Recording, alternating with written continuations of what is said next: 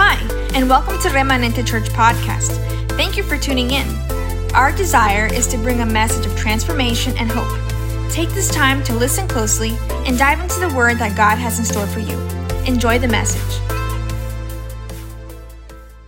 Let's just pray real quick. We're going to start and we're just going to dive in into the word that God has placed in my heart for us. Not just for you, but for me too, because I lived through this word first, but I'm going to live it uh, through with you again, okay? So, thank you, God, so much for the time that we have tonight. Thank you so much for allowing us to connect, even if it is over the internet, even if there is not many people in this place physically, but people are over there and uh, spiritually and physically on their phones, connected on their computers. So I just thank you, God, for this time. I pray that this word that you have brought upon my heart can bless. Uh, others, can bless people, can bless my life, and can bless us in this moment. Thank you, Jesus. Amen. All right, guys. So we've been have this is about the fourth uh, Connect Night service that we have is our English service for Remanente Church, and it's been such a blessing. We've been having some great times, great word, not because I've been involved, but just God being merciful to us and speaking through us. And tonight it's a continuation of all the things that we've been speaking about from the first night four weeks ago and to this night. And uh, I spoke about intentional hope about two weeks ago on my wife, my beautiful wife. Uh, spoke about uh, if what if we passed the cup or what if we missed out on, on, on, what we need to do in God last week. And this week, uh, I was thinking about it, continuing that, that uh, process. That's the word process. And what I want to talk to you about tonight is trust the process. I'll give you the title right away just to get it started. Trust the process. I believe that all of us have been living through a process in this time, or throughout our life, we live through processes that take us from one point to another. We always live through uh, a beginning of something towards a goal, towards something. When I spoke last time, we, I spoke about that waiting period in that process or the waiting period that we have to have hope but intentionally and act upon it. But what I want to talk to you about today is about that process that God placed our lives in to walk, to act, to to be towards something, right? We all live in a process and we're waiting for God to act on our behalf. So all we have to do and what I want to take you through and I've been through preparing this word is through trusting the process that God has for our lives. Now, this process, it can look different from each one of us. I would say that we're all living a process and, and we're all, all in it. You know, depending, you might be in one step or another of the process, but we are all in a process of change, of transformation, of restoration. God is working in and around us, okay? Because before Christ, we were in a process, in fact, but that process was one of destruction towards death. Okay, so before Christ, process, present, you know, uh, there was a, a process in our lives, but that process was of destruction towards death. After Christ, we are in a process still, but a better process. It's a process of restoration towards life. So Jesus is that before and after in that process of life we go towards life now instead of going, going towards death. Now, if, if this is the first time, for some reason, that you're watching or you're hearing about God, about Jesus, about Christ, let me tell you something. In Christ, through salvation, there's a new process of life available for us. So if it's the first time you're watching this, I will encourage, you to reach out to us. You can do it via the chat or, or um, send us a direct message because we want to show you that Jesus. We want to show you that process of life that starts when we receive Christ in our hearts. So remember, before Christ, process of death. After Christ, process of life. So if we are born again, we are on that path of restoration, salvation, and grace. How amazing is that? So, I assume a lot of us have received Christ in our hearts. So, we're in a process that goes towards something good. But sometimes that process eh, is not tricky, but it can be hard because of our own impatience. And that's a key word tonight as well patience. So we're going to get in the process of developing this message and really receiving from God what he wants to talk to us tonight. So if you're ready to continue, just drop a little thumbs up on the chat or just say, woohoo, let's go, Christian. And we're going to dive in more and more into this. So what we need to do is trust the process. Says it in the back, on my back. Trust the process right behind me. And one very, and this is not the key passage, but one very amazing verse that you can find in the, in the Bible, in the Word of God, is Philippians 1 6. And it's a promise for us in a way, or it's a certainty. It says, And I am certain that God, who began the good work within you, within me, will continue his work un- until it is finally finished. So God has us in that process, and his promise is that he who began the good work within you will continue it. He will see it through until the end. So that's our promise. We got to take hold of that as we continue through this word, through this message, all right? So remember, Philippians 1 6, you can read it again at home or later on when you listen to this, whether it's in the podcast or on YouTube or Facebook. Now, what better way to learn or to develop this message than with the Word of God, right? And today I want to direct you, and I'm going to kind of tell you the overview of the story, but I want to direct you to 2 Kings 5. That's where we're going to be based on today. We're not going to read it word by word, um, but I'll give you some, a summary of it, my own way, my own description. So, 2 Kings 5.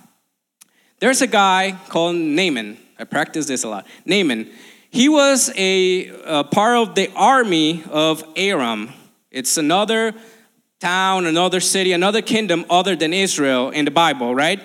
So Naaman was a great, a great uh, army person. He was a general, a commander, sorry, in the kingdom of Aram. He was very loved by the king of Aram. He was a good commander. He brought many victories to his king, so he was loved. So he was a great man, right? He was beloved by his people or by his king.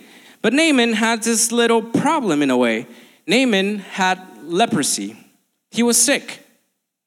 Uh, if you don't know what leprosy is, I barely know what it is, but I know it, it's a disease in your skin that pretty much parts of your skin can come off or deteriorate. I'll encourage you to Google it, or if you want to know more about it, that's what I know. It's we always hear about that disease in the Bible, leprosy. So, but Naaman had leprosy, and of course, it's, it's, a, it's a bad disease in your skin. He was as successful as he was, he was that.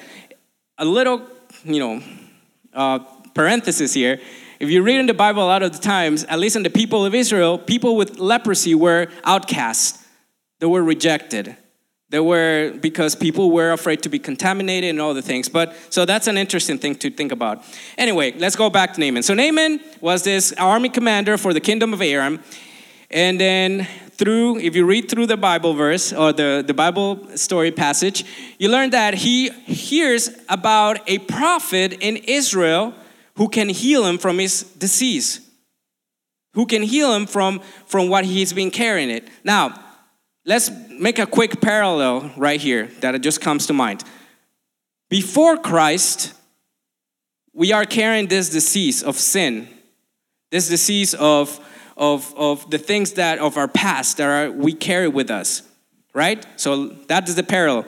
Before Christ, and for Naaman, before he was, or uh, his before is leprosy, he's deceased, right? All right, so he hears about the prophet in Israel. So he goes to his king, Naaman does, and he tells, Hey, king, or the king of Aram, I heard that there's a prophet in Israel and he can heal me. So I, I want to go. So the king, you know, he loves him, he or he has him in high respect. He's all right. Go to Israel. I'm going to write a letter, and you're going to give it to the king of Israel, so you can be well received in Israel. So Naaman goes. He packs up his bags, and in his bags he brings a lot of fancy things, gold and clothes, things to give, to pay. He was bringing money, let's call it now in, in our present terms. He was bringing a suitcase full of money, maybe a million dollars if you do the conversion. if you read in Second Kings, it says that he packed up his donkeys brought his servants, and he just went to Israel with all this wealth to seek his healing. All right? So he's going, right? He's going to Israel, and he goes before the king of Israel, presents the letter from his own king, and the letter says, and we go to Second Kings 5, it says, 5 6. If you look it up with me real quick, it says, The letter to the king of Israel said, With this letter I present my servant Naaman. I want you to heal him of his leprosy. Oh, okay. He's telling king to king, I want you to heal him from his leprosy. That's kind of weird because it's the prophet who has been said to heal or, you know, used by God to heal. So uh, when the king of Israel read the letter, it says in verse 7, it says, He tore his clothes in dismay and said, Am I God that I can give life and take it away? Why is this man asking me to heal someone with leprosy? I can see he's just trying to pick a fight with me. So the king of Israel, you know, another parenthesis, he got scared because he thought the king of Aram was trying to mock him or provoke him to go to war. Wow, that's setting the table. However, thank, thanks to God, Elisha, the prophet of Israel, heard about this instance and he told the king of Israel, Hey, tell Naaman to come see me because I know what he's looking for. I know what he's looking for. All right, so this, this is just a story. This is just the background to what we're talking about, but it does have important parts of it. So, Naaman, all right, is told to go to meet the prophet Elisha. Now, let's remember something. Naaman packed his bags, he packed whole, his suitcase full of money, right? And he's like, all right, I'm gonna go get my healing. He said, I'm gonna pay for my healing. He feels that way because he wanted to just, you know, he's, is, he comes from a different land and he's like, I'm just gonna buy my healing. But that's not what he was gonna do. Let me tell you something. In this process of life, we have many plans, we have many expectations, we have many ways of thinking that certain things are gonna go. We prepare, and it's good to prepare, don't get me wrong, but sometimes in our humanity, we prepare our own way to approach the process. Now, Naaman, you know, he prepared in a way that he brought and he expected to, in a way, pay for his, for his healing. That's how I perceive it. If you read through 2 Kings 5, you probably will perceive the same thing. But instead of uh, buying his healing, this is what happens. Naaman shows up to the, to the prophet's house and he was expecting the prophet to come out and receive him. Oh, high commander of the king of Aram, thank you for coming. You know, all this fan, fanfare, all this fancy stuff. but no, the prophet Elisha sends one of his messengers and to tell Naaman, hey Naaman, hello, thank you for coming. Um, what I need you to do if you want to be healed is that you're going to go to the uh, Jordan River and you're gonna dip in it seven times. You're gonna submerge yourself or wash yourselves in it seven times. Naaman hears it and he's like, What? I have to do what? Naaman was expecting the, the prophet to come out and just be like, Oh, your highness, here, be healed. Woo! no, not even the prophet, but uh, the prophet through a servant or through a messenger tells Naaman, you know, this high commander of this different kingdom, Go to the Jordan River and dip yourself five, seven, uh, excuse me, seven times. Naaman was, fr- was upset. He's like, what I, I'm, I'm guessing right here, I'm, you know, I'm kind of thinking, I'm, it's not in the Bible necessarily. It does say in the Bible that he grows upset and he, you know, throws a fit, but I'm thinking like, I'm just trying to think like Naaman. He's probably like, me, I've fought battles. I'm a general. I'm a commander. Who are you to tell me to go and dip myself in the, in the river seven times? Ridiculous, right? Well, sometimes the process or the things that we need to do in our lives may sound ridiculous to us, may sound like beneath us, may sound is not as, that they're not as fancy as we expect them to be. Instead of going to maybe a place and being recognized, the process is to go to a place and start from the bottom and work yourself up in the ladder and do what you need to do. Sometimes the process requires things that, is, that you may not be willing to do or that you think that you are not the right person to do. And not the right person, like, oh, no, I'm just not prepared. No, the right person, like, I'm too good for this process. I'm too good for this, right? That can happen. And that's what seems to be happening with Naaman. So Naaman, again, upset, is like, you know what? No, I'm not gonna do this. I'm not gonna do this. Thankfully, Naaman had people around him, trustworthy people, it seems like, because if you read it in, in the Bible, it goes to verse, let's say, after verse 11, when he says that he got mad and upset, uh, you know, saying that that river is filthy. Uh, in verse 13, he says, 2 Kings 5, verse 13, he says, But his officers tried to reason with him and said, Sir, if the prophet had told you to do something very difficult, wouldn't you have done it? He had someone around him who, who was able to reason with him and, and bring him to the to reality and tell him, hey, wake up, listen. It's not if, if he was if he would have told you to run five miles, you would have done it. So why not something simple like that? Why not do what he asked you to do? So Naaman, you know, came to reason. He's like, all right, fine. I'll, I'll, do, I'll do what I have to do to get healed. So if you keep reading, it says, and Naaman went to the river, you know, went seven times into the river, came out, his skin was clean. No disease, no leprosy. He was healed. He received his blessing, right? He received his healing. The process, even though it's not the way he wanted, ended up with his healing. So we can capture a lot of things from this story. And I hope that you being captured as we went by the story, though it was a bit quick, I guess. I hope you like the way I delivered it. But I have thought of three quick things from this story that really can bless us and understanding that we need to trust the process for our lives.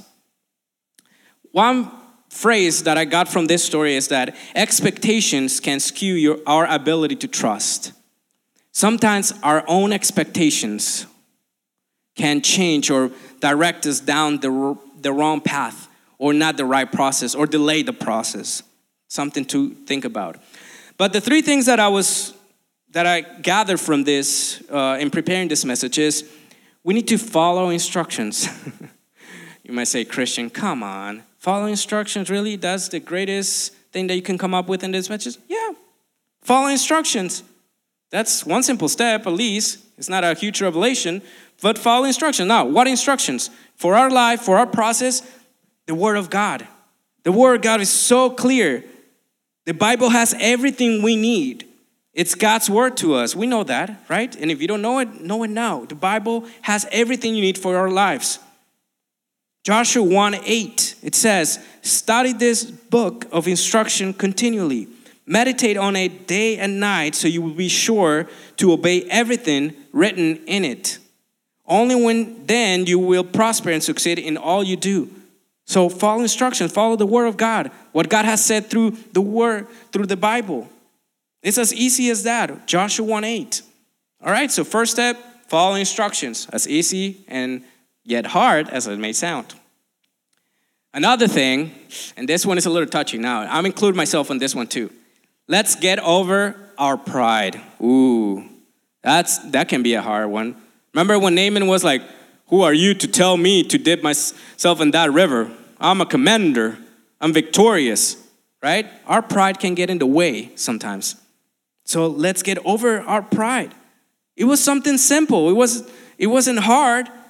He almost missed out on his opportunity to be blessed because of his pride. I don't want my pride, and let's be honest, we all have a pride one way or another. So I'm including myself. But I don't want that pride to get in the way of my blessing, of achieving success in my process. So let's get over our pride together. Let's get over your pride. How? Studying the Bible, studying the Word of God to do the process, right? And third, and this one's right there in the story, surround yourself with the right people. Surround yourself with the right people. Remember, Naaman was frustrated, prideful, even, let's call it that way. And until one of his officers, one of his trustworthy people around him, didn't tell him, hey, Naaman, it's not that hard. You could have done something else. if he asked you to, so why not this? You know? So I encourage you to surround yourself with godly people, with people who would not just, oh yeah, it's okay. No, people who are right for your process. He thankfully Naaman has that person around us, but we need to surround ourselves to of, from, of people who will encourage us in the faith in the process. The right people will not cater to your emotions now. Hey, listen to this. The right people will not cater to your emotions. You know, the right people around you for the process are not the ones who will cater to your emotional needs. So, like, oh, poor thing. In Spanish, we say pobrecito. No. The right people are the ones who empower you to fulfill your purpose in God. The right people are gonna encourage you to be godly. The right people are gonna encourage you in the word and faith and, and bring you to your senses, not just like, oh yeah, do whatever you wanna do. No. They're always, the right people will always provide that relief from God to your life and, and direct you in the process. So surround yourself with the right people in the process of life, in the process that God has given us. So those are the three things that I thought about in this, in this, in this message. And as we close tonight, I just want to encourage you, encourage us to understand that just following instructions, getting over our pride, and surrounding ourselves with the right people. Three simple things, and there are a lot more, but for this specific moment, those are the three things that I encourage you with. We can go down the path of success of that of success and the process that God has for our lives. Remember, there was a process before Christ of death. Now we're in the process of life after Christ. See, Naaman that day saw the Lord. If you keep reading the story, and there's something I didn't develop much on, but if you keep reading the story, you will see that that day Naaman recognized that God existed. He met God. He not only received and went through a process where he received healing, but he went through a process where he saw God, where he met God, and he decided to have a godly life after that. So we have gone through a similar process of before Christ, we were in death. Now we're in life, a process of life. But even that process, if we don't do it right, can hinder us from the blessings, from the goals that God, or for, for, for the blessings that God has for our lives. All right? So he met God that day. We have met God. We're in the process, and we'll continue to meet God in every stage of, any, of, of, of uh, that cycle of every process. But I encourage you, seek God. Seek God. Let's get over our pride and let's surround ourselves with the right people. God has called us to be His people, to follow Him, to follow His voice. So let's just ask Him tonight to be with us. Let's start let stand firm in the faith. Let's be courageous. Let's be strong. and let's do everything with love. And let's understand that the process that God has started for our lives is the best, even if it's hard for us to accept. So, God, tonight we just ask you to be with us. Thank you, thank you so much for this time that we've had. Thank you because your word is powerful.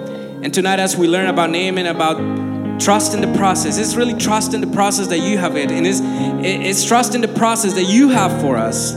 So we trust in you, God. Our eyes, our sight are in you, God, and we just worship you tonight. As we close tonight, I ask you to fill our lives with uh, with courage, with the right mindset, to with the right people, so we can achieve the goals, the the purpose, the destiny that you have for our lives, God. I pray for each one of the people who are watching for my life as well. And ask you to give us the strength and the willingness to work and to be part of the process that you have for our life. Thank you, Jesus, so much. And thank you for this time that you've given us. And as we worship, just pray, continue to ask God to give you bravery, to give you what you need, the tools you need to continue the process. Thank you, Jesus. Thank you, Lord. Amen. If this message has blessed your life, make sure to share it with others. Don't forget to catch us live on Facebook and YouTube every Wednesday at 8 p.m. See you next time.